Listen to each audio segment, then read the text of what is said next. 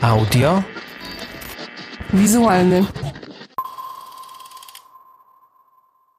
Witam wszystkich bardzo serdecznie w kolejnym odcinku podcastu Audiowizualny. Podcast e, zajmuje się filmami i szeroko rozumianą kulturą audiowizualną. Ja nazywam się Karol Szafraniec, a e, całe to przedsięwzięcie istnieje dzięki stypendium Kultura w sieci Ministra Kultury i Dziedzictwa Narodowego. Ten dzisiejszy odcinek, e, który był zapowiadany od jakiegoś czasu, e, zgodnie z tym właśnie, jak był zapowiadany, poświęcę e, postaci Krzysztofa Pendereckiego i jego przygody z kinem. Przez ostatnie odcinki jednak przede wszystkim mówiliśmy o tym, co w filmach co widać. E, czyli przede wszystkim skupialiśmy się na tej wizualnej części kultury audiowizualnej.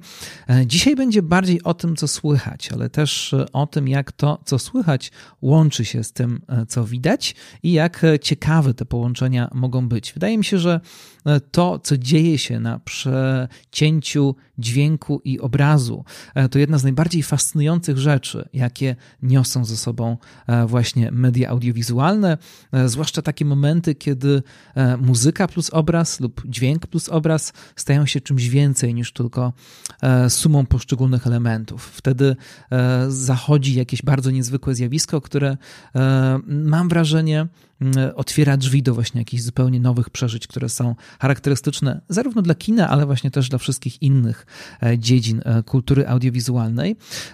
Kiedy ktoś pewnie słyszy nazwę podcast audiowizualny i słyszy, że E, zajmujemy się tutaj mm, zarówno dźwiękiem, jak i obrazem, zajmujemy się filmem, ale w szerszym kontekście audiowizualnym, no to pewnie od razu mm, przychodzi e, takiej osobie na myśl muzyka filmowa, że muzyka filmowa jest właśnie e, czymś takim, co, czym moglibyśmy się tu zajmować i z pewnością tak jest. Aczkolwiek muszę przyznać, że na pewno w audiowizualnym muzyka filmowa będzie jeszcze powracać, będziemy się nią na pewno na różne sposoby zajmować. Niemniej jednak muszę przyznać, że muzyka filmowa w takim czysto klasycznym sensie, sensie, e, nie interesuje mnie aż tak bardzo. Może dlatego, że jest to już temat bardzo wyeksploatowany, a muzyka filmowa jako jakby osobny gatunek muzyczny jest czymś bardzo popularnym e, w ostatnich e, latach.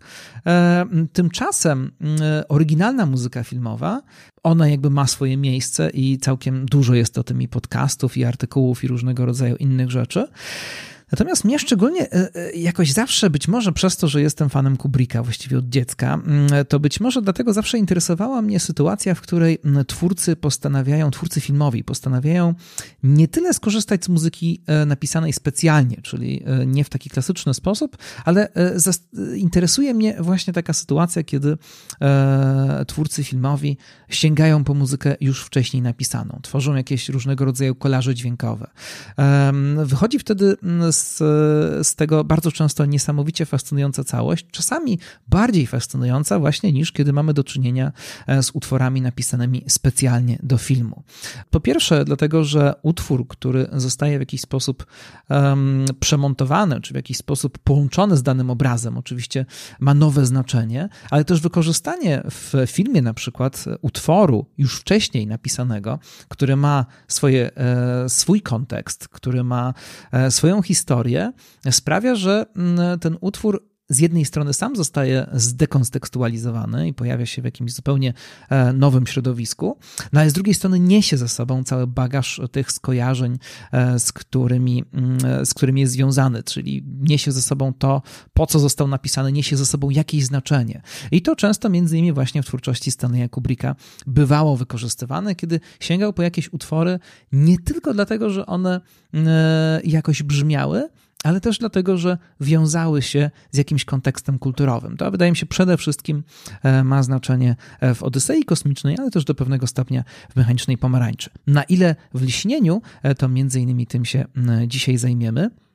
I Krzysztof Penderecki jest takim fascynującym przykładem e, twórcy, polskiego kompozytora, który zawojował świat, choć zawojował świat może nie do końca taki sposób, e, w jaki sam e, chciał.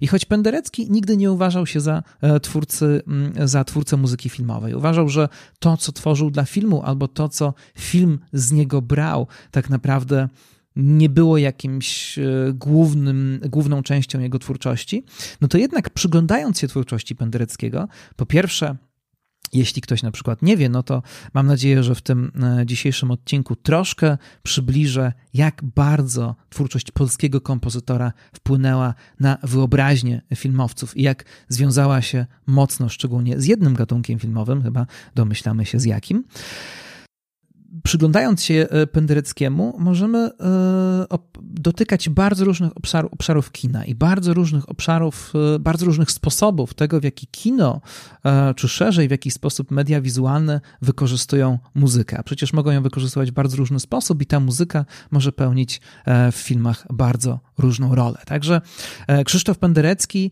jako twórca filmowy, Krzysztof Penderecki i kino, jego przygody z kinem, właśnie mm, o tym dzisiaj będzie w odcinku. E, no i powoli zbliżamy się do końca tych takich pierwszych odcinków audiowizualnego, które związane są właśnie ze stypendium Kultura w sieci. E, I jest to o tyle ciekawe, że e, tak naprawdę odcinek o Pendereckim i o tym, w jaki sposób kino korzystało z jego muzyki, było, to był pierwszy odcinek, jaki wymyśliłem. Pierwszy odcinek, który wpadł mi do głowy, e, kiedy stwierdziłem, że spróbuję tworzyć podcast audiowizualny. Oczywiście e, ten pomysł e, wpadł mi do głowy wtedy, kiedy przyszła do nas smutna wiadomość o śmierci polskiego kompozytora. Zaraz w tym momencie pojawiło się mnóstwo artykułów, mnóstwo programów, które między innymi przypominały właśnie te kinematograficzne przygody Krzysztofa Pendreckiego. E, no i stwierdziłem, że nagranie odcinka podcastu na ten temat może być całkiem ciekawe. E, między innymi dlatego, że będzie można w czasie tego odcinka troszkę E, troszkę obalić pewne mity, które narosły wokół tej współpracy przez lata. E, różne są teorie co do tego, jak właściwie, jak to się stało, że zachodni twórcy używali muzyki Pendereckiego w swoich filmach. Różne są też teorie co do tego, jak, jaki sam Penderecki miał do tego stosunek, ale tak naprawdę mamy pewne wywiady, mamy wypowiedzi samego kompozytora i możemy się na nich oprzeć, a właśnie one troszkę przeczą temu, co często powszechnie uważa się na ten temat. Oczywiście chciałbym też, żeby ten odcinek, jak zawsze w audiowizualnym, działał troszkę na zasadzie polecanek. To znaczy, po pierwsze, jeśli e, ktoś nie zna e, tych filmów, e, nie miał jeszcze okazji zobaczyć czy usłyszeć, jak muzyka właśnie Pendereckiego oddziaływuje w pewnych znanych filmach, no to może teraz sięgnie na przykład jeszcze raz po te filmy i odkryje te, przysłucha się tej ścieżce dźwiękowej na nowo. E, pewne filmy też e, mogą być tutaj e, zaskoczeniem, no ale też liczę na to, że będzie to może takie otwarcie się troszkę na muzykę samego Pendereckiego. Może ci, którzy lubią kino, będą zechcą sięgnąć po właśnie dzieła już samego kompozytora i posłuchać tych dzieł bez kontekstu filmowego i można się tutaj bawić właśnie w to, na ile muzyka Pendereckiego wykorzystywana była z pewnym głębszym poczuciem sensu, a na ile tak naprawdę była pretekstowa i liczył się tylko pewien emocjonalny jej wymiar. E, to wszystko w odcinku. No i zapraszam. E, historię e, Krzysztofa Pendereckiego oczywiście trzeba będzie zacząć od początku, czyli od momentu narodzin. Urodził się w 1933 roku w Dębicy, ale tak naprawdę przede wszystkim związany był z Krakowem. Szczegółów jego życia, jego twórczości kompozytorskiej oczywiście nie będę tutaj omawiał, ale warto powiedzieć, że Penderecki zawsze był w jakimś sensie twórcą E, synkretycznym. To znaczy, owszem, zajmował się muzyką, ale e, wpływ na jego twórczość muzyczną zawsze miały fascynacje pozamuzyczne. E, po pierwsze, był człowiekiem interesującym się sztukami wizualnymi i to ma ogromne znaczenie, bo to właśnie też wpływa na taką pewną e, audiowizualność e, nomen omen jego muzyki, że ona się łatwo poddaje, mm, sama może być ilustracją do czegoś, ale też łatwo się poddaje temu, żeby ją wizualizować. E, Penderecki, w przeciwieństwie do wielu innych kompozytorów dwudziestowiecznej awangardy, zdaje się nie traktował muzyki w sposób całkowicie abstrakcyjny. Nawet wtedy, kiedy tworzył faktycznie abstrakcyjne utwory, zupełnie awangardowe, które jakby starały się nie trzymać żadnego żadnego e, z porządków klasycznych, jakie są w muzyce, które starały się, nie starały się też odnosić do żadnej konkretnej rzeczywistości, e, to jednak pewne napięcia, które w tej muzyce się pojawiają, emocje, które te utwory ze sobą niosą, są właśnie charakterystyczne e, i są bardzo mocne i być może właśnie wiążą się z pewną wizualną wyobraźnią i przez to też potem ewokują różnego rodzaju wyobrażenia, bardzo takie, wydaje się, namacalne usługi słuchaczy. E, no i e, też zainteresowanie literaturą, zainteresowanie teatrem e, sprawia, że Krzysztof Penderecki komponując swoje utwory myśli w sposób dramaturgiczny. O właśnie zawsze jest jakiś konflikt, zawsze jest jakaś dramaturgia, zawsze jest potem szukanie jakiegoś rozwiązania i to jest bardzo słyszalne w jego utworach, zarówno tych wczesnych awangardowych, jak i później tych, tych jak i tych tworzonych później, które miały już taki neoromantyczny albo jeszcze inny charakter. E, warto oczywiście powiedzieć, że Krzysztof Penderecki mm, e, jest twórcą kontrowersyjnym na swój sposób, dlatego że on w pewnym momencie porzucił ten język awangardy e, właśnie na rzecz rzeczy bardziej klasycznych. Najpierw był to język neoromantyczny, później szukał jeszcze eksplorował inne klasyczne jakby formy muzyczne. Stosował do nich zawsze pewne pozostałości po eksperymentach awangardowych, ale ten zwrot ku tradycji, którego trzymał się jednak przez większość życia, i takie odcinanie się nawet od awangardy w pewnym momencie, no to nie, nie wszystkim się podobało. Z jednej strony to sprawiało, że jego muzyka stała się dużo bardziej przystępna e, i dużo częściej słuchana e, na świecie, pewnie przez też e, jakby mniej obytych słuchaczy, no a z drugiej strony krytyka i tacy najbardziej jednak wierni fani Pendereckiego wydaje się, że najbardziej cały czas podobała im się właśnie ta wczesna twórczość i to też dzięki tej wczesnej twórczości Penderecki stał się i do dzisiaj jest niesamowicie znanym e, twórcą e, na świecie. Wracając do tej synkretyczności muzyki Pendereckiego, e, jego związki z innymi sztukami brały się, miały nawet takie podłoże rodzinne, dlatego że Krzysztof Penderecki był dalekim kuzynem Tadeusza Kantora. Przez jakiś czas mieszkali zresztą razem w Krakowie. Penderecki na studiach miał mieszkać u kantora. No, skoro jest rodzina, no to dlaczego u niej nie mieszkać? Ale panowie nie mogli się za bardzo dogadać. E, Penderecki mówił nawet, że kantor był dla niego zbyt dziwny mm, i troszkę go przerażał. To była zupełnie inna wrażliwość i potem raczej właśnie oni się unikali, mimo tego, że mm, byli, mm, że byli rodziną. E, ale właśnie e, zainteresowanie filozofią, zainteresowanie literaturą, zainteresowanie sztukami wizualnymi, nawet takie próby pierwsze plastyczne, które Penderecki podejmował, to wszystko z pewnością miało znaczenie dla tego, jak ostatecznie wyglądała jego muzyka. W końcu wybrał e, kompozycję i to właśnie muzyce postanowił się poświęcić, ale z pewnością e, gdzieś w niej, e, tak jak, mówię, jak mówiłem, ukrywają się też te pozostałości innych sztuk, przetworzone właśnie w sposób dźwiękowy. Podczas pewnego wykładu, który, którego Penderecki udzielił już później w swoim życiu, bodaj w latach 90., odwołał się do koncepcji e, literackich Umberto Eco, że w pewnym momencie, w pewnym momencie życia, już e, kiedy był znanym kompozytorem, zaczął czytać Eco, zaczął czytać teorię narracji, e, zaczął czytać o tym, co Umberto Eco uważa, że jest podstawą literatury i co jest podstawą dobrej opowieści. No i wtedy właśnie Penderecki czytając to zauważył, że tak naprawdę zawsze wierny był tym zasadom, tworząc swoją muzykę. A więc pewien ten potencjał, tak jak mówiłem, dramaturgiczny, pewien potencjał emocjonalny, pewien potencjał narracyjności zawsze był w tej muzyce obecny i z pewnością to właśnie też było kluczem do tego, e, że ona się tak bardzo dobrze przyjmuje e, w kinie.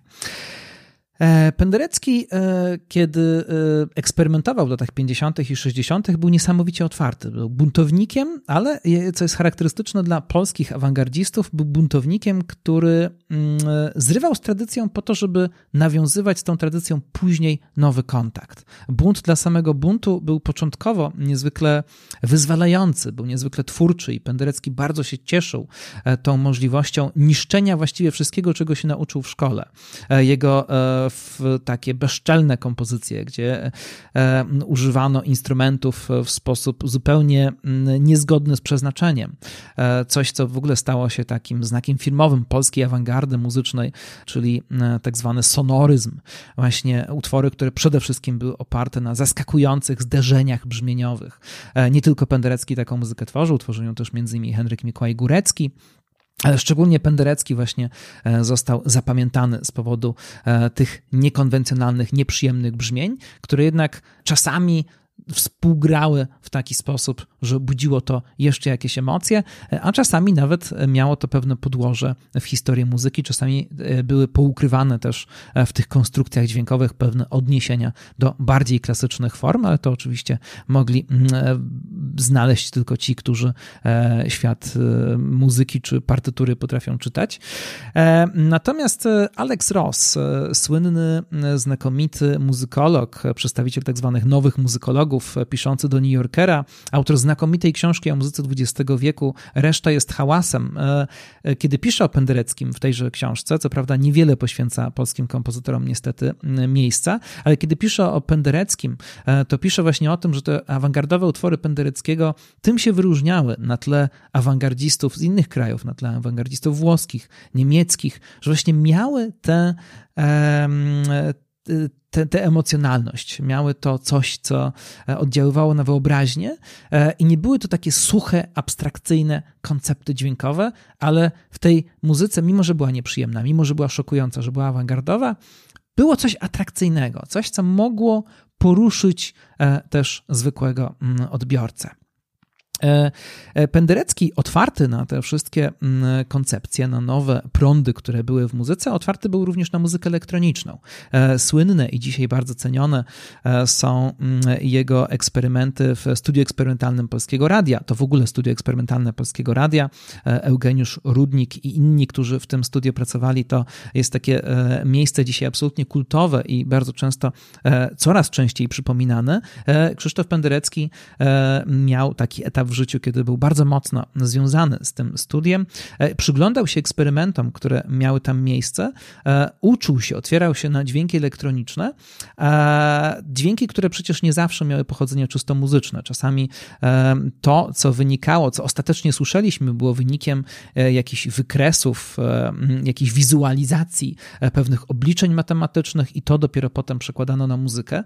Pendereckiego nierealność, niezwykłość dźwięków elektronicznych który, który, których nie ma w naturze, e, właśnie to go fascynowało i potem szukał e, sposobów, żeby e, te dźwięki prze, przełożyć na język orkiestry, żeby te klasyczne instrumenty analogowe, nieelektroniczne mogły wydobyć coś podobnego. To było dla niego bardzo inspirujące, tak właśnie powstało kilka najsłynniejszych utworów Pendereckiego z tamtych awangardowych czasów.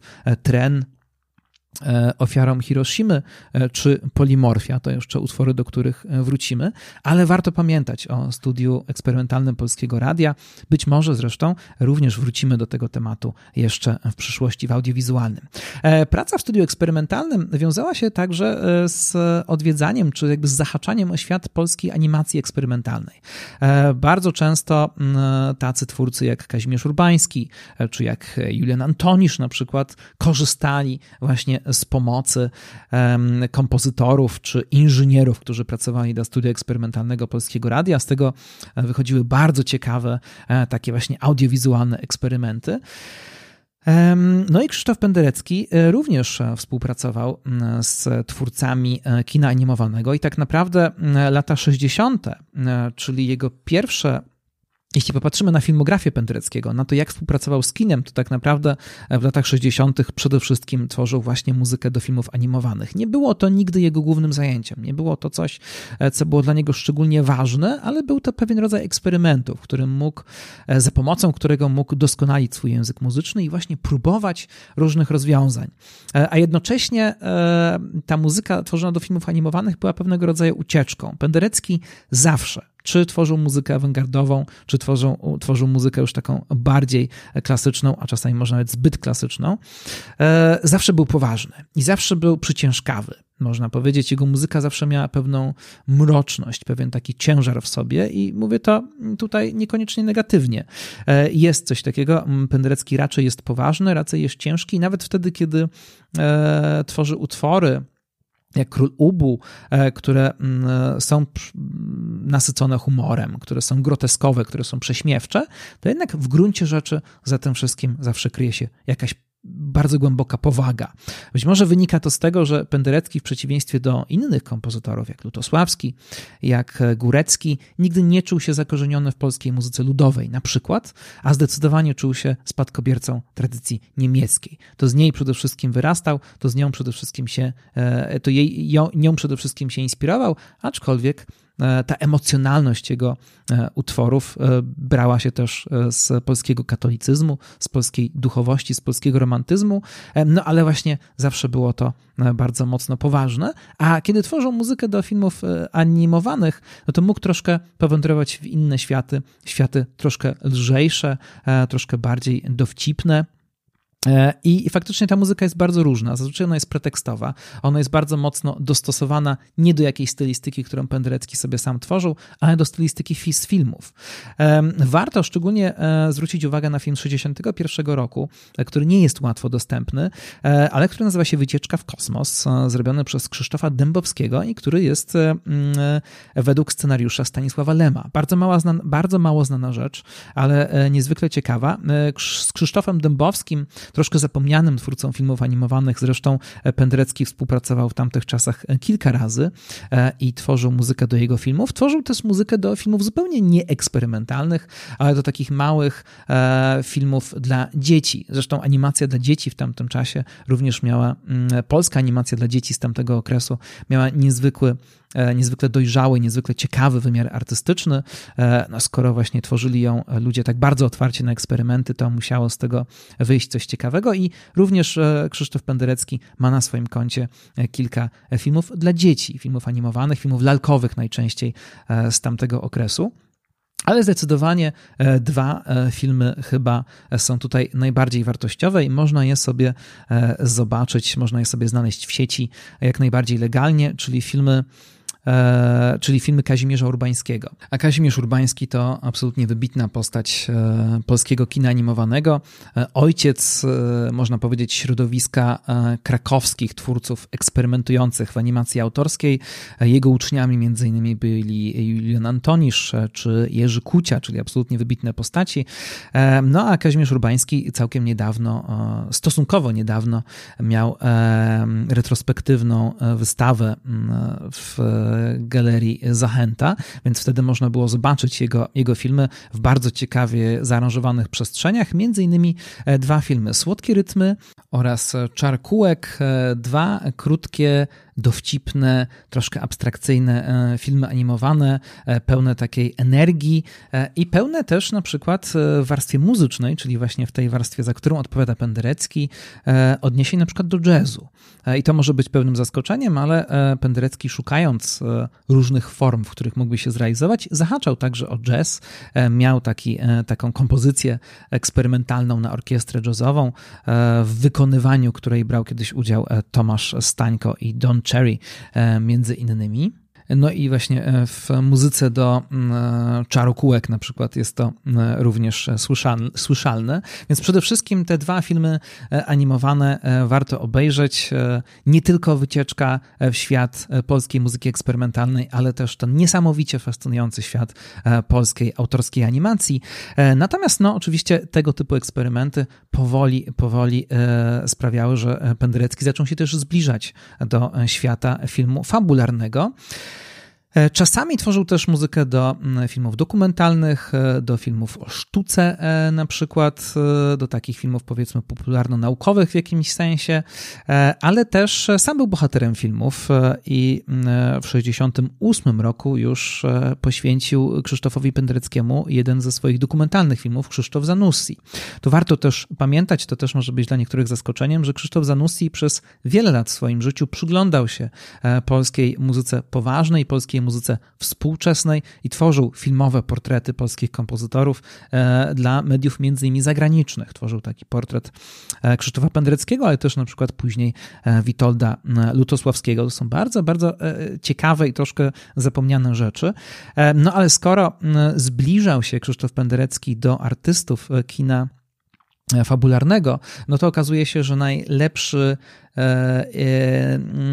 najbardziej, najlepszy jakiś wspólny język znalazł z Wojciechem Jerzym Hasem, z którym, współpracował dwa razy. Przede wszystkim to Krzysztof Penderecki jest odpowiedzialny za ścieżkę dźwiękową do rękopisu znalezionego w Saragossie. Zazwyczaj, kiedy mówimy Krzysztof Penderecki, kompozytor muzyki filmowej, to najczęściej pierwsze, co wielu osobom przychodzi do głowy, to właśnie ta muzyka, bo to faktycznie jest muzyka specjalnie stworzona na potrzeby rękopisu, e, aczkolwiek muzyka pełna dowcipnych cytatów, e, lekka, przewrotna, e, w dużym stopniu bazująca na dźwiękowych eksperymentach tworzonych właśnie w studiu eksperymentalnym Polskiego Radia. Każdy, kto widział rękopis w Saragoście, znaleziony w Saragoście, dobrze pamięta specyficzne, dziwne dźwięki, dźwięki czasami nie wiadomo czy muzyczne, czy pochodzące ze świata przedstawionego. Pamięta być może pewne przetworzenia melodii e, Beethovena, więc właśnie jest to taka, można powiedzieć na swój sposób nawet postmodernistyczna e, muzyka, groteskowa, zabawna, pewna cytatów, odniesień e, i, nadająca też e, filmowi e, dodatkowych, jakby dodatkowej jeszcze lekkości, mam wrażenie, że sam film już bardzo jest dowcipny w tym, jak bawi się pewnymi formułami, ale do tego właśnie dochodzi ta muzyka, która dodaje jeszcze jakiejś zabawy, a jednocześnie dodaje tej atmosfery onirycznej dziwności. Ale później, chwilę później również Penderecki współpracował z Wojciechem Jerzym Hasem przy e, filmie znakomitym, e, troszkę zawsze mam wrażenie, że zapomnianym, czyli przy filmie Szyfry. E, film, film który był bardzo bolesny, który opowiadał o takim niezwykle trudnym rozliczaniu się z czasem II wojny światowej. Zbigniew Cywulski w roli głównej i mamy tutaj opowieść o człowieku, który powraca do rodzinnego Krakowa musi się zderzyć z własną przeszłością, a to wszystko połączone jest z takimi wizyjnymi scenami, e, gdzie słuchamy e, poezji Juliusza Słowackiego, a temu wszystkiemu towarzyszy właśnie muzyka Krzysztofa Pendereckiego. I właściwie można powiedzieć, że to by było na tyle. Krzysztof Penderecki odnosi olbrzymie sukcesy na świecie. Koniec lat 60. to już czas, kiedy on zajmuje się powoli troszkę inną muzyką. W połowie lat 60. po skomponowaniu e, swojej słynnej pasji według świętego Łukasza, która cały czas jest e, utworem wykorzystującym e, ekspresyjny język awangardy muzycznej, ale już utworem zakorzenionym w tradycji, w tradycji religijnej i w tradycji oczywiście mm, wywiedzionej z Bacha.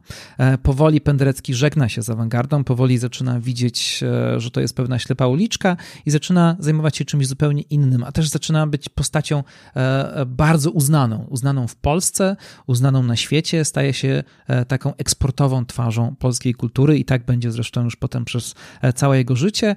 E, no i być może potem też zostanie rektorem, zostanie jakby ważnym, ważną osobistością polskiej kultury, wobec czego nie będzie miał czasu na to, żeby zajmować się eksperymentami elektronicznymi na przykład, no, ani też nie będzie zajmował się muzyką filmową, nie będzie miał takiego poczucia, że to jest coś, co jest dla niego szczególnie ważne. No ale właśnie na przełomie lat 60. i 70. dzieje się coś bardzo dziwnego, e, ponieważ Penderecki postanawia, że on muzyki filmowej pisać już nie będzie, ale tymczasem świat filmu sam o niego się do pewnego stopnia upomni. E, ostatnia muzyka, ostatnia oryginalna muzyka, którą Penderecki tworzy dla kina, to 1968 rok i bardzo niezwykły, troszkę zapomniany film Kocham Cię, Kocham Cię, Je t'aime, je t'aime. Francuski film Alona René czyli e, francuskiego, niezwykłego wizjonera, e, człowieka, którego kojarzy się najczęściej z nurtem nowej fali, ale był tak naprawdę e, twórcą absolutnie osobnym. Najbardziej znamy Hiroshima Moją Miłość i zeszłego roku w Marienbadzie i to są filmy, w których bohaterowie, troszkę tak jak w filmach Charlie'ego Kaufmana dzisiaj, zamknięci są gdzieś tak naprawdę we własnej świadomości, we własnej pamięci, we własnej wyobraźni i nie bardzo potrafią stamtąd wyjść. Nie jest przypadkiem, że e, mniej właśnie znany, że tem, że tem, mniej znany niż tamte klasyki, e, to film, który był, e, jest podobny jednym z ulubionych filmów Michela Gondry, czyli jesteśmy cały czas blisko Charlie'ego Kaufmana. Podobno, że tem, że tem było jedną z głównych inspiracji dla stworzenia Zakochanego bez pamięci i faktycznie mamy w tym filmie Alona René takie oniryczne science fiction.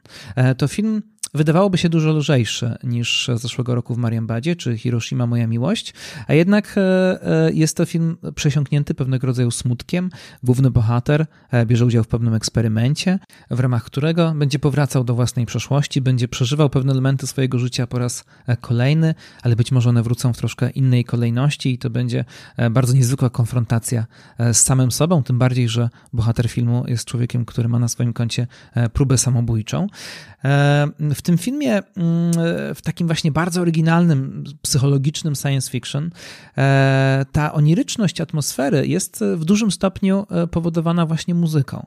Muzyką, której jest bardzo niewiele.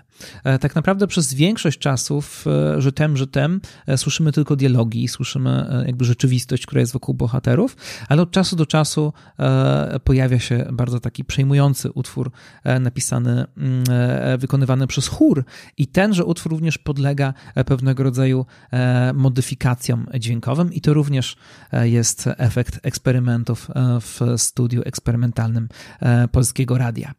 Także to chyba taka najbardziej zapomniana, mam wrażenie, produkcja, która jest związana z muzyką Krzysztofa Pendereckiego i tym bardziej warto sobie ją przypomnieć i dlatego, że ona jest związana ze współczesnym kinem i inspiruje cały czas, ale właśnie też dlatego, że to ostatnia oryginalna muzyka Krzysztofa Pendereckiego.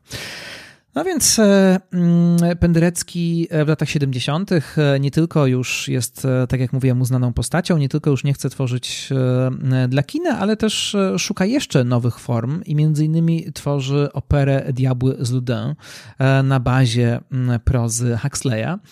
To oczywiście mniej więcej historia, która jest w tej operze, to mniej więcej ta sama historia, która pojawiła się w filmie Kena Russella i to było też pewne objawienie dla samego Krzysztofa Pendereckiego. E, jak twierdzi Regina mm, Chłopicka, e, autorka książki o Krzysztofie Pendereckim i pod tytułem Muzyka Sakra, Muzyka Profana, e, ona twierdzi, że twórczość Pendereckiego jest gdzieś zawieszona, jak sam tytuł jej książki wskazuje, właśnie między tymi, tymi dwoma wymiarami, między wymiarem sakralnym i między wymiarem E, profanum. E, a do tego wszystkiego jest jeszcze jakieś poszukiwanie ziemskiej równowagi. Penderecki ma w swojej e, twórczości utwory bardzo religijne, bardzo takie wprost religijne i bardzo E, jakby nie ukrywał nigdy swojego katolicyzmu.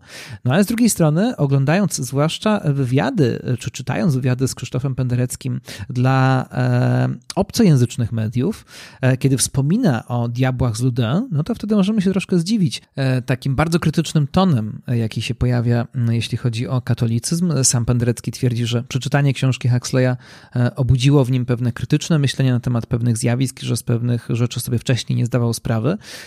I y, tego efektem też była ta opera, a więc e, również w samej twórczości Pendereckiego pojawia się ten wątek mroczny, wątek demoniczny, wątek diabelski, można powiedzieć, już tak bardzo wprost. E, I ten taki e, typowy zresztą dla chrześcijaństwa dramatyczny konflikt między tym, co jest święte i tym, co jest sprofanowane, co jest demoniczne, pojawia się tak dość wyraźnie i to również potem odbije się w tym, jak jego muzyka będzie interpretowana.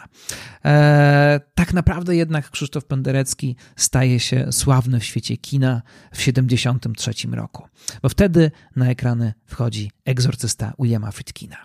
E, bardzo niezwykłe jest to, że mm, przez ostatni tydzień, kiedy przygotowywałem się do tego odcinka, no to nagle dowiedzieliśmy się, że na festiwalu Transatlantyk pojawi się osobiście William Friedkin. Będziemy też mogli wtedy zobaczyć film Leap of Faith, dokument o tworzeniu filmu Egzorcysta. Jeden z najsłynniejszych horrorów w historii, nie tylko w historii Hollywoodu, ale w ogóle całego kina grozy. Film w jakimś sensie kontrowersyjny do dzisiaj, budzący z pewnością spore emocje i co ciekawe, film, którego historia powstawania jest co najmniej równie, równie ciekawa jak on sam. Stąd właśnie myślę, że film Leap of Faith będzie absolutnie fascynujący. E, książki, które są o powstawaniu egzorcysty, różnego rodzaju historie z zaplecza tego, jak, jak, to dzieło, mm, jak to dzieło doszło do skutku, no to bardzo, bardzo niezwykłe rzeczy. E, egzorcysta to film, w którym właśnie postanowiono wykorzystać muzykę nieoryginalną. Między innymi sięgnięto po E, twórczość Krzysztofa Pendereckiego.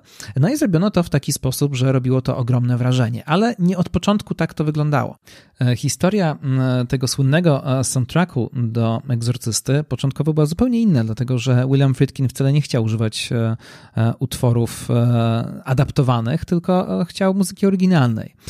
Ale oczywiście chciał, żeby ta muzyka nie była muzyką typową i zwrócił się między innymi do różnych uznanych hollywoodzkich kompozytorów.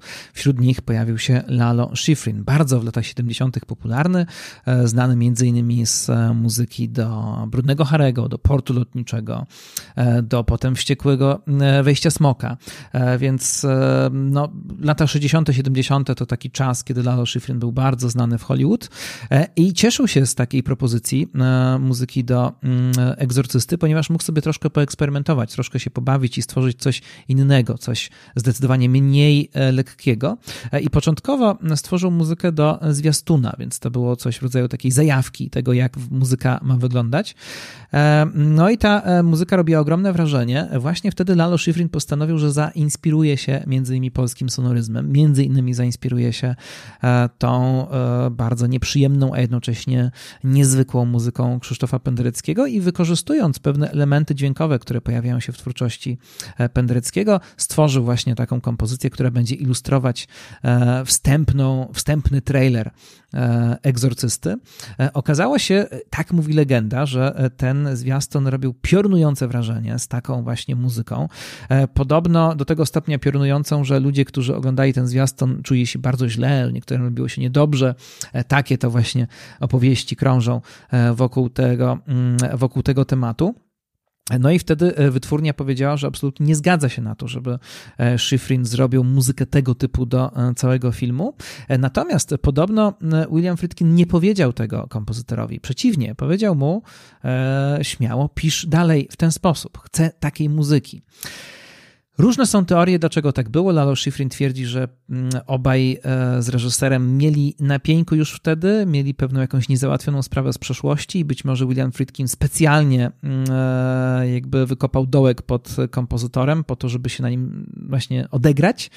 E, natomiast no, skończyło się to, się to tym, że Lalo Schifrin ostatecznie mm, nie, nie pojawił się w końcowym filmie, a cała jego muzyka podobno została dosłownie wyrzucona przez okno przez Williama Friedkina, który powiedział, że to wszystko jest zupełnie beznadziejne, ale być może zainspirowani właśnie e, tym, e, tym e, rejonem poszukiwań, który w muzyce Schifrina się pojawił, no to właśnie twórcy egzorcysty postanowili wykorzystać muzykę już wcześniej istniejącą, ale twórczo, twórczo ją przetwarzać. Okazało się, że ta awangarda dwudziestowieczna, ta muzyka oparta na dysonansach, na atonalności, ma oczywiście pewien swój jakiś głębszy sens muzyczny, ale e, dla zwykłego odbiorcy właściwie przez lata, od kiedy zaczęła powstawać, często była czymś hermetycznym, czymś niezrozumiałym, czymś niedostępnym, no wobec czego można ją potraktować jako ilustrację, jako ilustrację do rzeczy strasznych, do rzeczy mrocznych. Po prostu taka muzyka świetnie nadaje się do horrorów. Oczywiście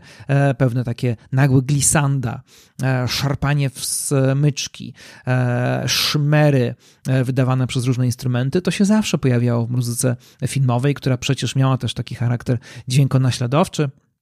I to nie było coś jakby zupełnie e, nowego, no ale tak naprawdę po co tworzyć nową muzykę, po co komuś płacić, kiedy już istnieją te niezwykłe utwory, można je w odpowiedni sposób przyciąć, można stworzyć tego, z tego jakąś nową całość i w ten sposób właśnie powstała ta słynna muzyka do egzorcysty. Aczkolwiek najbardziej e, pamiętamy z tej muzyki e, wcale nie utwory Krzysztofa Pendereckiego, ale Tubular Bells, utwór Mike'a Oldfielda i to jest jakby osobna zupełnie historia, dlatego że sukces tego utworu był jakimś ciągiem zupełnie niesamowitych przypadków, e, kiedy to Mike Oldfield i Richard Branson, e, niezbyt udany biznesmen, się spotkali. Branson wydał ten utwór na płycie Mike'owi Oldfieldowi, swojemu koledze, bo sobie troszkę popili i wymyślili, że to tak zrobią. No i specjalnie po to założył firmę Virgin. Potem, czyli taki zupełny właściwie przypadek, potem Tubular Bells trafia do egzorcysty, staje staje się wielkim hitem, wszyscy kupują płytę, no i nagle Virgin staje się bardzo ważną firmą, a Richard Branson staje się jednym z bogatszych ludzi na ziemi. Między innymi właśnie zawdzięcza to sukcesowi egzorcysty i temu, jak, w jak nietypowy, w jak, w jak ciekawy sposób utwór Michael Oldfielda został w nim wykorzystany, ale oczywiście poza tym utworem muzyki tak naprawdę w egzorcyście jest niewiele.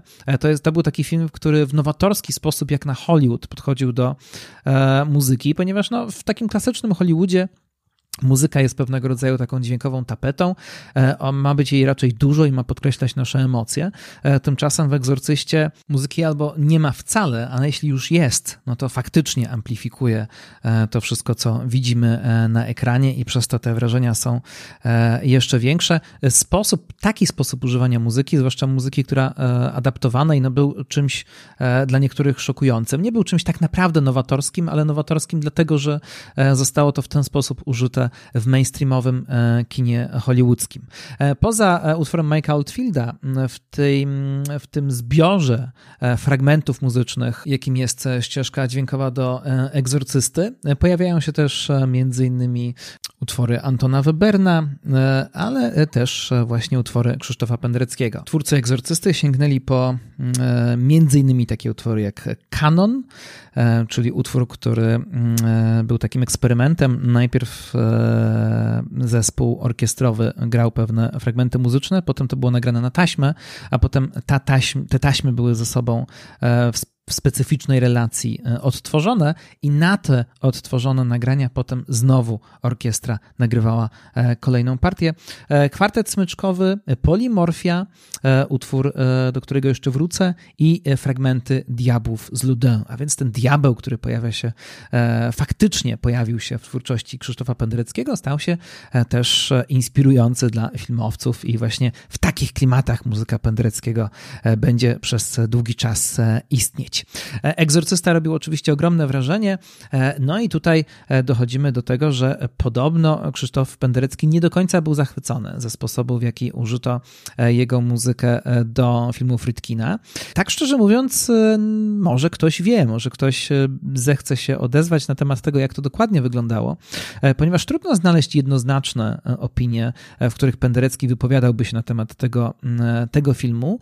Legendy, o których mówiłem na początku odcinka, E, krążyły zawsze takie, że Penderecki nie był zachwycony z tego, że jego muzykę wykorzystano e, w horrorze hollywoodzkim. Nie był zachwycony podobno też samym filmem. Uważał, e, i to jest też temat do rozważań, że wzięcie jakby pewnego języka muzycznego, który ma pewne swoje znaczenie, ma swój pewien kontekst, ma pewną głębię i wykorzystanie go właśnie w sposób taki bardzo pretekstowy, że to jest pewne zbanalizowanie tego języka. I faktycznie ciężko mi znaleźć jakieś wypowiedzi, w których Krzysztof Penderecki rozwijałby jakoś dłużej e, opowieść o egzorcyście i o tym, jaki ma do tego filmu e, stosunek. Najczęściej właśnie mm, pojawia się milczenie albo unikanie tego tematu. I stąd też właśnie wzięło się takie powszechne, mm, często pojawiające się w różnych artykułach poczucie, że Penderecki nie lubi, e, nie lubił tego, co zrobiono z jego muzyką, nie lubił tego, że stały się częścią horrorów, nie lubił tego, jak Hollywood e, tę muzykę wykorzystywało i to już nie do końca jest prawda. Dlatego, że Penderecki bardzo ciepło wypowiadał się o późniejszych e, sposobach, mm, w jakich wykorzystywano jego muzykę, no bo mm, to, co pojawiło się w mainstreamowym kinie, co było takie bardzo niezwykłe, czyli właśnie tworzenie takiego jakiegoś miszmaszu e, takiego mixtape'a, możemy powiedzieć, e, z już gotowych utworów i stworzenie z tego czegoś jakby zupełnie nowego, e, co ma ilustrować obraz filmowy i co ma e, obrazować jeszcze coś strasznego i przerażającego, no to to pociągnęli oczywiście dalej w sposób bardzo już niezwykły, e, bardzo niesamowity twórcy lśnienia. E, Stanley Kubrick oczywiście słynie z tego, że był jednym z najbardziej obytych muzycznie twórców filmowych w Hollywood. Podobno był melomanem, podobno bardzo zwracał uwagę na to, nie tylko jakie utwory pojawiają się w jego, w jego filmach, ale też zwraca uwagę na konkretne wykonania. E, no i to, że muzyka poważna i to muzyka bardzo różna, bo czasami klasyczna, czasami romantyczna, a czasami właśnie muzyka współczesna pojawia się w filmach Stanleya Kubricka i nie jest tylko ilustracją, ale jest czymś absolutnie znaczącym, czymś, co prowadzi czasami narrację filmu, no to jest właśnie coś, z czego Stanley Kubrick był bardzo znany. Na marginesie warto powiedzieć, że troszkę jak z muzyką Lalo Schifrina, która się nie przyjęła i trzeba było stworzyć jakiś wariant alternatywny, e, to mm, tutaj było troszkę podobnie. Znaczy, być może Stanley Kubrick tego swojego stylu z wykorzystywaniem muzyki adaptowanej, być może nigdy by nie wytworzył, gdyby nie to, że zamówił muzykę e, u kompozytora bardzo znanego Alexa Northa do 2001 Odysei Kosmicznej. To on miał tę muzykę, mm, e, to Alex North, jeden z naj, naj, najbardziej znanych kompozytorów hollywoodzkich, miał muzykę do tego filmu stworzyć. E, na pewnym momencie Kubrick się zorientował, że to, co sobie puszcza jako, taki, mm, e, jako takie tło robocze do scen, które nakręcił, działa dużo lepiej. E, no i stąd wziął się ten genialny pomysł, że przecież nie trzeba tworzyć muzyki oryginalnej. Można posiłkować się tym, co już istnieje. I we wszystkich późniejszych filmach Kubricka po 2001 tak naprawdę ta warstwa dźwiękowa to jest wykorzystywanie utworów adaptowanych, utworów już wcześniej istniejących, wcześniej nagranych, ale to też nie jest takie proste, dlatego że mm, Kubrick rzadko rzadko tak po prostu je wykorzystywał i rzadko, mm, e, i rzadko też e, panował nad tym wszystkim sam. Miał zazwyczaj ludzi od tego, którzy pomagali mu znaleźć odpowiednie fragmenty muzyczne, e, którzy pomagali mu właściwie tworzyć zupełnie nową całość. W przypadku Barego Lindona mamy tutaj do czynienia w ogóle z przearanżowaniem oryginalnych utworów i dopasowaniem ich w taki sposób, żeby to wszystko grało na ekranie. A więc Kubrick, owszem, sięgał po utwory wcześniej napisane, ale bardzo mocno je e, przetwarzał przy pomocy e, swoich współpracowników. No i oczywiście tak też było w Lśnieniu. W Lśnieniu chyba to było zresztą najbardziej ambitne. Nigdy wcześniej, nigdy później Kubrick nie zdecydował się na stworzenie e, właściwie takiej e, całkiem nowej ścieżki dźwiękowej, która będzie składała się czasem z kilkusekundowych fragmentów już istniejących utworów, e, które połączone razem stworzą jakąś zupełnie nową całość. Więc mamy tutaj takie faktyczne, już zupełnie pozbawienie oryginal, ucieczka od oryginalnego kontekstu. Naprawdę takie bardzo już pretekstowe wykorzystanie pewnych utworów i tylko ich fragmentów, e, które mają robić e, odpowiednie wrażenie. E, I za tę całość muzyczną w Liśnieniu odpowiadały trzy osoby. Trzy osoby, z którymi Kubrick już współpracował wcześniej, czyli Wendy Carlos, znakomita bardzo e, innowacyjna kompozytorka, która tworzyła, e, była pionierką syntezatorów, e, używała tych syntezatorów w sposób bardzo nieoczywisty, a zarazem przerabiała klasykę muzyki poważnej właśnie na dźwięki syntezatorowe. Wendy Carlos z Kubrickiem współpracowała m.in. przy Mechanicznej Pomarańczy. Jej przeróbki klasycznych utworów tam się pojawiają, ale też m.in. ten słynny wstęp elektroniczny E, na napisach początkowych to też dzieło Wendy Carlos, a Wendy e, Carlos z kolei współpracowała e, z Rachel Elkind, która była jej producentką, była jej montażystką, montażystką dźwięku, jeśli można tak powiedzieć, miksowała jej nagrania, współpracowała ze sobą razem i ta muzyka do filmów Kubricka, ten specyficzny konglomerat muzyki nowej, muzyki troszkę przerobionej i muzyki pociętej, e, to właśnie najczęściej było tworzone razem i przy Mechanicznej Pomarańczy i w przypadku Liśnienia przez Wendy Carlos i Rachel e, Elkind. Mm, e, natomiast trzecią osobą, która brała w tym wszystkim udział, był Gordon Stainforth, to asystent Kubricka, E, jeden z montażystów i człowiek właśnie odpowiedzialny za montaż muzyki. Tak naprawdę cała ta trójka e, tworzyła dla Kubricka tę nową jakość dźwiękową, muzyczną, którą potem Kubrick aprobował. Zazwyczaj jakby ten ten mm, pierwotny impuls co do tego, jakie utwory wybrać, e, brał się właśnie od Kubricka, no a potem ta trzyosobowa ekipa nad tym wszystkim siedziała i tak powstała muzyka do liśnienia. E, muzyka oczywiście bardzo oryginalna, muzyka, w której te różne płaszczyzny spotykają się w ciekawy sposób. E, to, co słyszymy na samym początku, to ten moment, kiedy podróżujemy z kamerą nad e, górami, nad lasami i wędrujemy do hotelu Overlook. Muzyka, którą wtedy słyszymy, to akurat nie jest Penderecki, ale też warto o tym powiedzieć, co to jest, bo różne już wersje słyszałem. To jest fragment symfonii fantastycznej Hektora Berlioza, ale przerobione troszkę przez Wendy Carlos, czyli to nie do końca w ten sposób, e, e, nie do końca tak to brzmi u e, Hectora Berlioza, ale co ciekawe, to tak naprawdę ta melodia nie jest autorstwa Berlioza, to jest utwór dużo starszy, utwór, który ma, jeśli dobrze pamiętam, jeszcze średniowieczne korzenie i ta melodia była wykorzystywana przez wielu kompozytorów, ale to, co Wendy Carlos stworzyła, najbliższe jest właśnie temu, co słyszymy w utworze Hectora Berlioza. E, no i potem oczywiście pojawiają się różne inne utwory mm, i te wszystkie dziwne dźwięki, które słyszymy e, w liśnieniu, e, to najczęściej są fragmenty awangardowych utworów kompozytorów dwudziestowiecznych. Po raz kolejny Stanley Kubrick sięga po swojego ulubionego Georgi Ligetiego, którego Requiem między innymi e, pojawiało się jako e, tło muzyczne w 2001 Odysei Kosmicznej.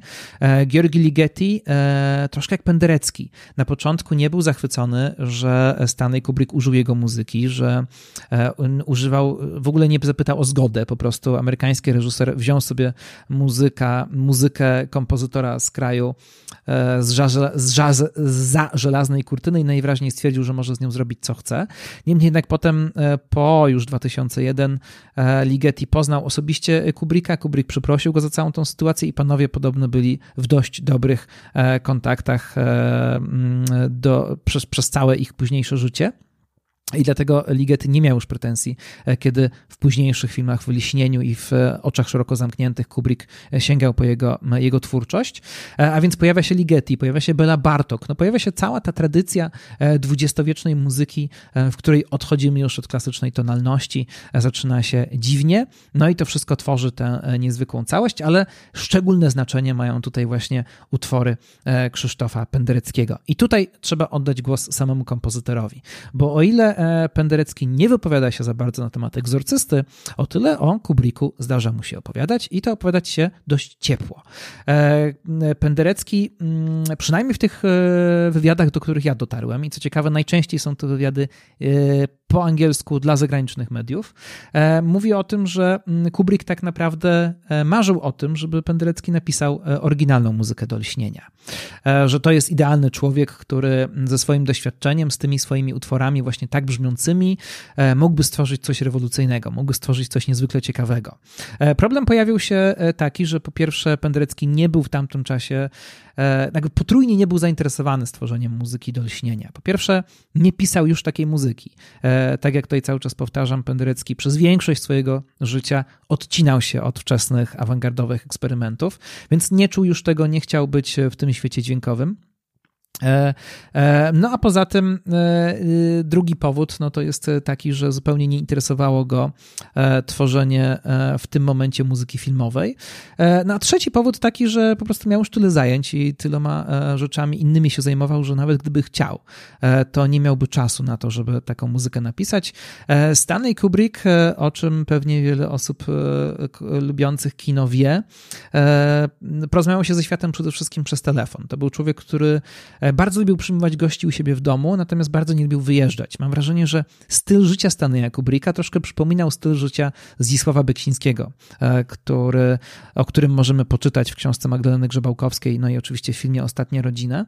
E, I, i Kubrick właśnie był człowiekiem bardzo podobno towarzyskim, ale tylko wtedy, kiedy, odwie, kiedy zapraszał do siebie, natomiast sam zupełnie e, nie wyjeżdżał. Roman Polański nazwał kiedyś Kubricka mistrzem rozmowy przez telefon.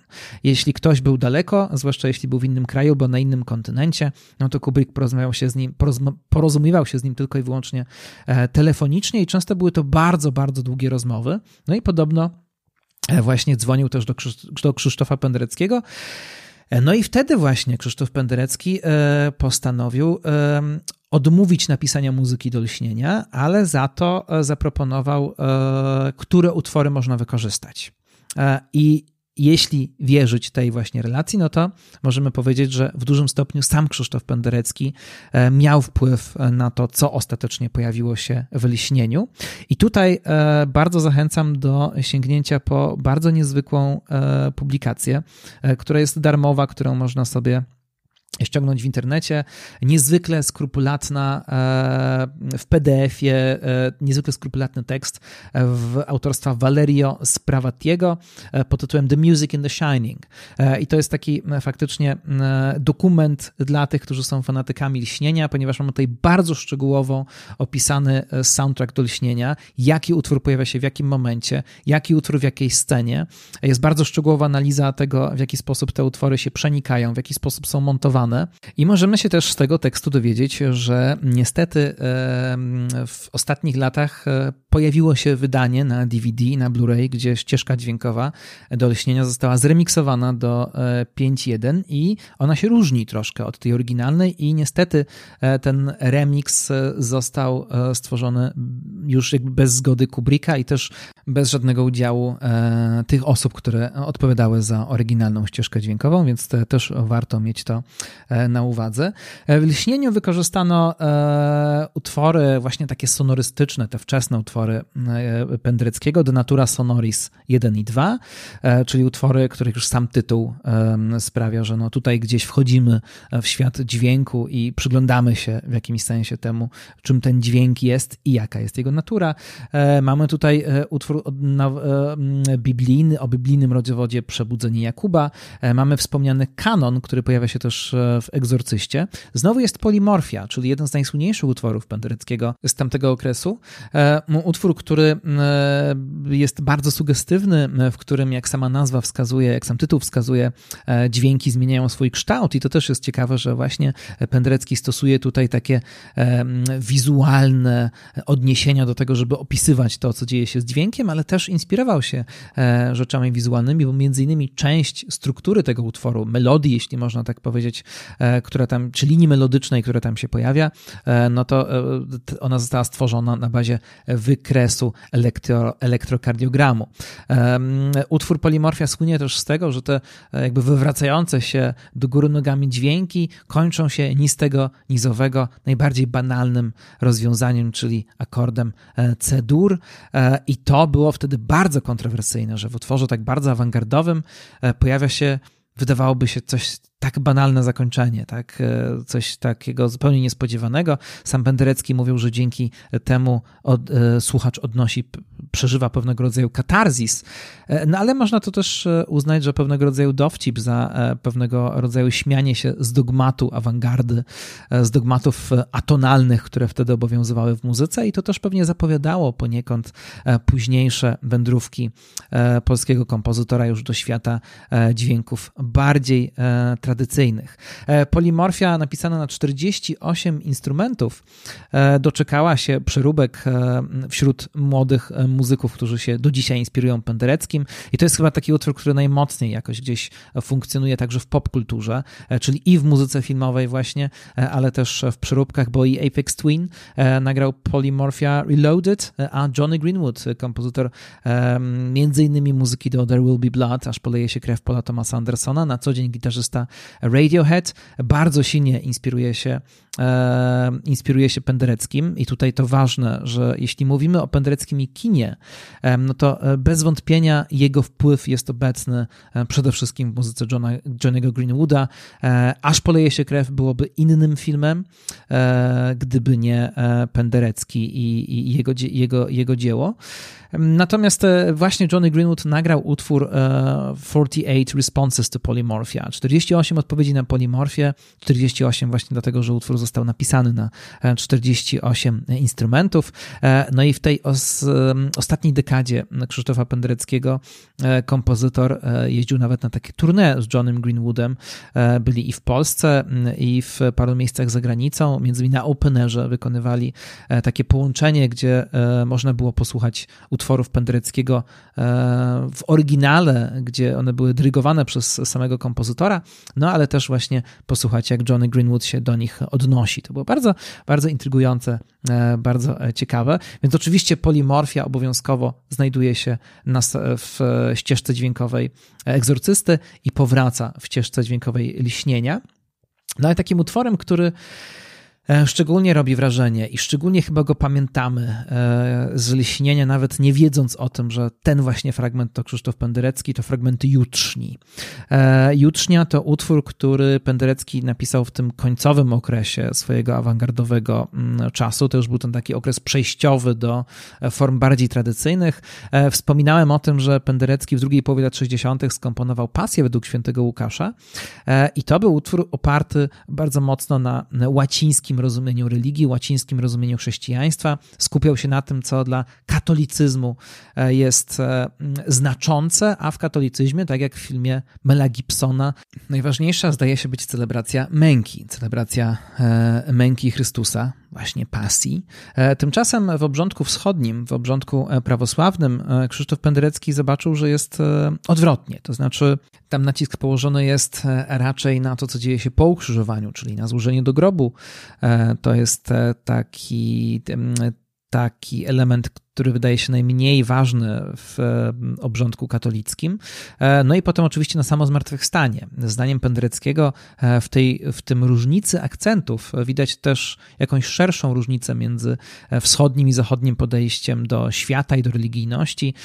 Zachód i katolicyzm, to łacińskie, rzymskie podejście jest bardziej zorientowane na relacje ze światem, natomiast wschodnie podejście jest bardziej mistyczne, tak naprawdę nie szuka niczego w tym świecie tutaj, tutaj, całkowicie jest, jest zorientowane już na ten e, przyszły świat, jeśli tak można powiedzieć.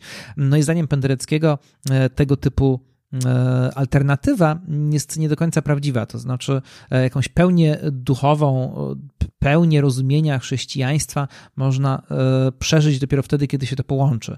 Dlatego pasja według świętego Łukasza i jutrznia tworzą pewnego, tworzą tryptyk i tak naprawdę słuchane dopiero razem, gdzie, gdzie zderzają się te dwie tradycje, katolicka i prawosławna, wtedy mamy pewną całość. Jutrznia jest faktycznie utworem bardzo niesamowitym, e, składający się z dwóch części. Pierwsze to właśnie złożenie e, Chrystusa do grobu, drugie to zmartwychwstanie, ale załóżmy, że nie wiemy o tym, załóżmy, że nie znamy tak naprawdę tego kontekstu religijnego, no to jest to utwór bardzo niesamowity, bo niesamowita jest już muzyka prawosławna.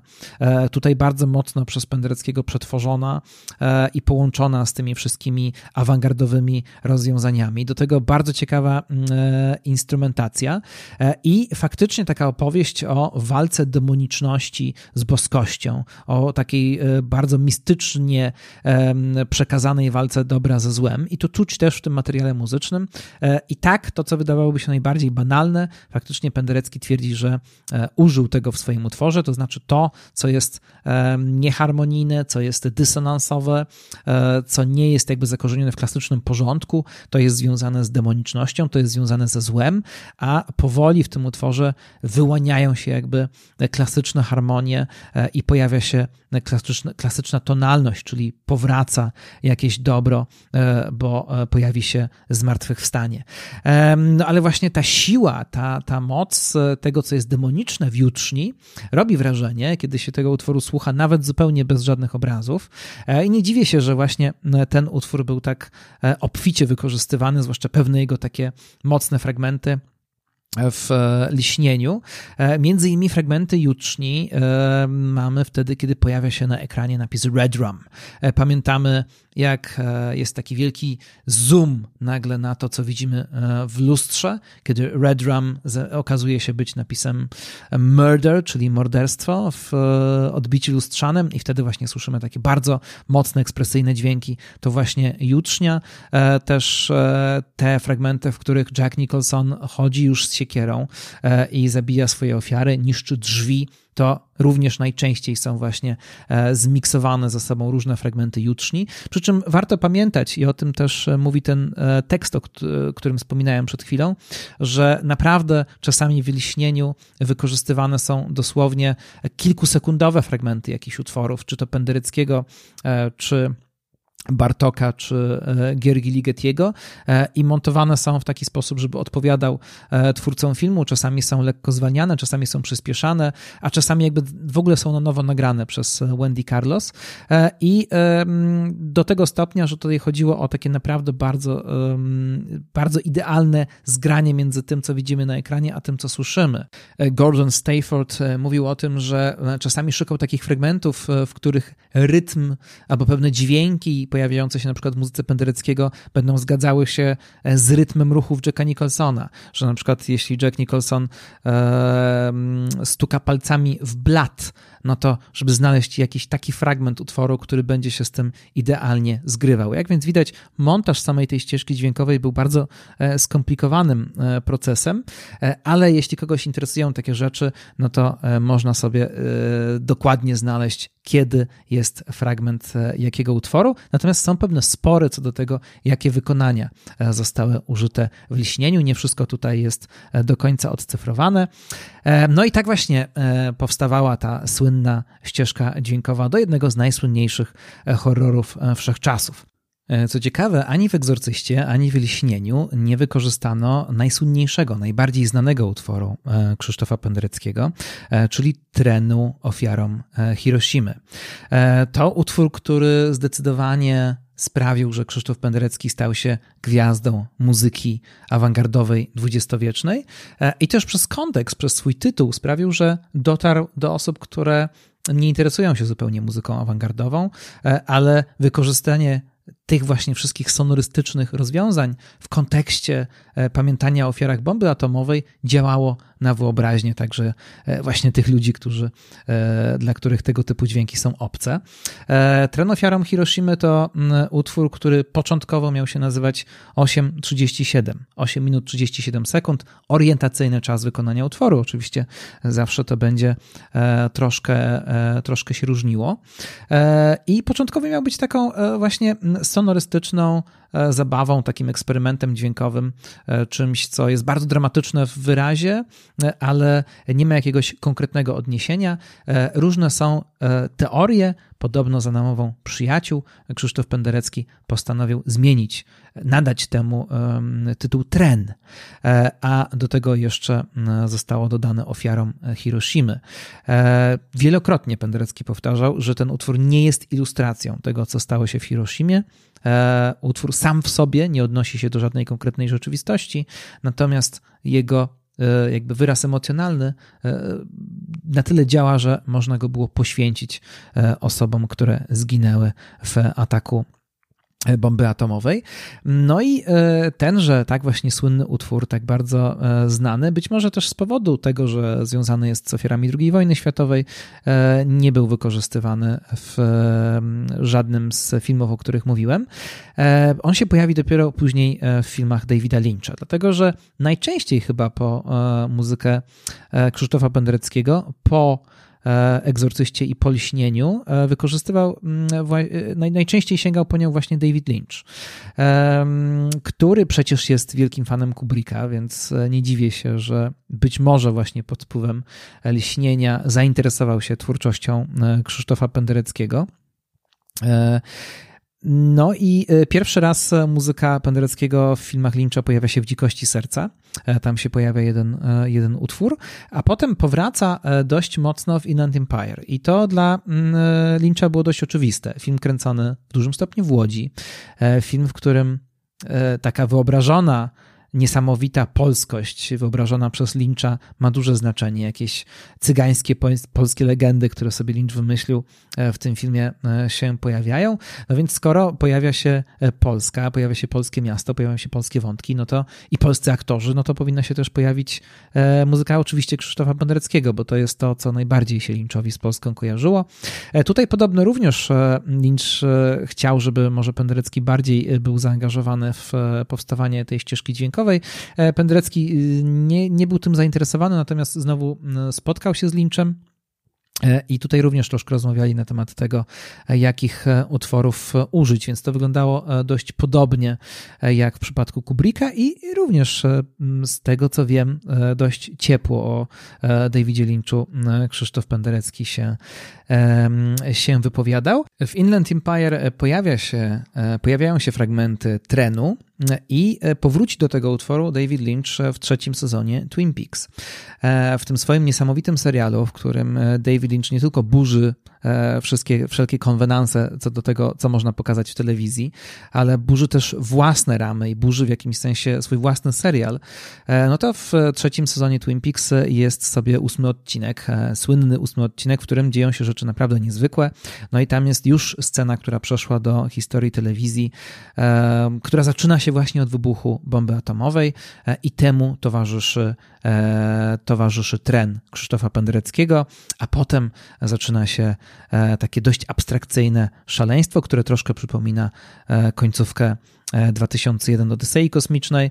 I w ten sposób Krzysztof Penderecki stał się częścią E, takiego bardzo przełomowego, w, przełomowego momentu e, w historii e, seriali telewizyjnych. Chcąc, nie chcąc jednak, przez charakter tej swojej wczesnej muzyki, chyba zawsze będzie kojarzony z takimi rzeczami dość przerażającymi i strasznymi. No, jeśli czyjaś muzyka jest w ścieżce dźwiękowej i egzorcysty, i liśnienia, no to trudno potem uniknąć tego typu zaszufladkowania. Muzyka Pendereckiego pojawiała się też między innymi Wyspie Tajemnic e, Martina Scorsese, e, który też był takim ciekawym filmem, gdzie Scorsese postanowił wykorzystać e, sporo utworów muzyki, współczesnej muzyki, muzyki awangardowej, ale znowu jakby poszedł tym tropem, że wykorzystujemy tę muzykę do zobrazowania czegoś mrocznego, czegoś przerażającego, czegoś albo zobrazowania szaleństwa, co no jest już pewnym stereotypem tak naprawdę i też można się zastanawiać, czy e, nie dałoby się też tej muzyki wykorzystać czasem w jakiś sposób mniej oczywisty. Muzyka e, Polaka pojawiała się też e, między innymi w Ludzkich Dzieciach. Tam właśnie również słyszymy tren na końcu filmu w bardzo przejmującej scenie. W heavy metalu wykorzystał Pendereckiego, ale już utwór z trochę innego okresu twórczości Marcin Wrona w swoim niestety ostatnim filmie Demon. A po Pendereckiego też obficie sięgają e, coraz bardziej zaprzyjaźnieni z Polską bracia Quay, zwłaszcza w swoich ostatnich filmach, aczkolwiek znowu wykorzystują jego muzykę przede wszystkim po to, żeby ewokować taką atmosferę niesamowitości. E, utwory Pendereckiego pojawiają się w Lalkarzu e, czy w Masce, która zresztą jest adaptacją Stanisława Lema, co jest bardzo ciekawe, że po wielu, wielu latach Penderecki powraca znowu jest użyty, jego muzyka jest użyta w filmie robionym przez e, eksperymentatorów związanych z animacją, którzy biorą na warsztat e, Stanisława Lema. Dokładnie tak jak było w 1961 roku, kiedy muzyka Pendereckiego pojawiła się w filmie Wycieczka w kosmos. W ogóle zresztą Krzysztof Penderecki mm, właśnie zatoczył takie koło no, w ostatniej dekadzie swojego życia i choć odcinał się od awangardy, to ta awangarda do niego wróciła i chyba E, zaakceptował jej dziedzictwo. E, niemniej jednak Penderecki, który w Polsce kojarzony jest z takimi bardzo klasycznymi utworami, e, często z utworami związanymi z różnymi rocznicami, z jubileuszami, z uroczystościami patriotycznymi czy religijnymi. Na świecie przede wszystkim, tak jak było napisane w zachodnich dziennikach po jego śmierci często pisano odszedł kompozytor, który niezwykle wpływał na kino i który e, inspirował ekstremalnych muzyków rockowych. Tak właśnie na świecie Krzysztof Penderecki jest e, zapamiętany, no ale z drugiej strony, skoro jest to osoba, która tworzyła muzyka sakra, muzyka profana, to może te dwa oblicze, te dwa oblicza Krzysztofa Pendereckiego e, właśnie jakoś ze sobą współgrają i na tym gdzieś polega e, istota jego e, twórczości. E, kończąc, warto jeszcze wspomnieć o Andrzeju Wajdzi, o filmie Katyń, bo często pojawiała się taka informacja, że Krzysztof Penderecki był autorem muzyki do Katynia i na tym też troszkę opierała się promocja filmu. To było duże, do pewnego stopnia było to nadużycie, ponieważ tutaj również Krzysztof Penderecki nie skomponował żadnej nowej muzyki, natomiast użyczył Andrzejowi Wajdzie kilku swoich kompozycji. Również tutaj doradzał, czego, co można byłoby wykorzystać. Między innymi w Katyniu słyszymy fragmenty rekwiem polskiego. E, osobną sprawą, tak na marginesie troszkę, jest e, w ogóle e, relacja Wajdy z polskimi kompozytorami, ponieważ prawie wszyscy najważniejsi polscy kompozytorzy dwudziestowieczni jakoś z Wajdą współpracowali, albo, albo ich kompozycje znajdują się w jego filmach. Penderecki, Kilar, Paweł Mykietyn, Andrzej Korzyński, przecież nie tylko twórca muzyki popularnej. E, w powidokach pojawia się twórczość Andrzeja Panównika. E, wyjątkiem był Witold Lutosławski, który był sąsiadem zresztą wieloletnim Andrzeja Wajdy, który nigdy się jednak nie godził na tworzenie muzyki nieautonomicznej, na tworzenie muzyki ilustracyjnej, chociaż podobno Andrzej Wajda namawiał wielokrotnie Lutosławskiego do stworzenia właśnie muzyki filmowej. Z tego akurat w tym wypadku nic nie wyszło. A całkiem na koniec, poza tym, że oczywiście polecam, żeby e, przesłuchać się muzyce Pendereckiego, e, żeby właśnie troszkę może zapomnieć o tej jego takiej e, o tym obliczu Pendereckiego, które dominowało w Polsce, takiej bardzo nobliwej postaci, związanej z różnego rodzaju jubileuszami i z bardzo poważnymi uroczystościami, i żeby przyjrzeć się temu Pendereckiemu zadziornemu, Pendereckiemu krytycznemu, Pendereckiemu, który, który szuka, poszukuje, burzy a potem buduje, bo jak sam mówił, interesowało go burzenie pewnych tradycji, ale potem zawsze chciał na bazie tego stworzyć e, coś nowego. No a poza tym, e, niezależnie od tego, jaki mamy stosunek do Krzysztofa Pendereckiego, to jest to postać, która niechcący stworzyła pewien kanon tego, co słyszymy, kiedy oglądamy kino grozy. I tu na końcu ostatnia polecanka dla tych, którzy chcieliby coś więcej poczytać o muzyce filmowej w horrorach. E, zbiór tekstów Music in the Horror Film Listening to Fear. E, bardzo ciekawe teksty, w których różni autorzy, e, filmoznawco lub tak troszkę od strony muzycznej przyglądają się właśnie specyficznej roli dźwięku i muzyki w horrorze. Wychodzą tutaj z założenia, że horror jest E, troszkę osobnym gatunkiem, który ma swój kanon dźwięków, swój kanon muzyki e, i tak naprawdę też to, co tworzył Penderecki i to, w jaki sposób wykorzystano muzykę Pendereckiego, już wpisywało się w coś, co istniało wcześniej. Tutaj mamy e, kilka tekstów, które dotyczą dużo wcześniejszych filmów, na przykład filmów z lat 30., no i na czym polega i co możemy wynieść z tej specyficznej muzyki z horrorów. Mamy tutaj też na przykład analizę muzyki Johna Carpentera. Jak wiadomo, Carpenter sam E, tworzy muzykę do swoich filmów. Mamy osobny rozdział tylko i wyłącznie o ścieżce dźwiękowej do egzorcysty, zinterpretowanej e, w specyficzny sposób. Mamy osobny rozdział o muzyce z oczywiście, e, ale na przykład jeśli chodzi o takie poloniki, to mamy też osobny rozdział o muzyce Kilara do Drakuli Francisa Forda Coppoli. A więc za nami wędrówka po różnych obliczach e, kinematografii, po różnych obliczach tego, jak można używać muzyki i dźwięku e, w filmie. No to taka była faktycznie audiowizualna podróż z Krzysztofem e, Pendereckim. Bardzo dziękuję za uwagę i zapraszam na kolejne audiowizualne podróże. Jestem oczywiście na Facebooku, na profilu e, podcastu audio łamane przez wizualny, na YouTubie e, podcast audiowizualny, tam e, wszystko, tam audiowizualne pisane razem. No I oczywiście czekam na opinie, komentarze. Do usłyszenia.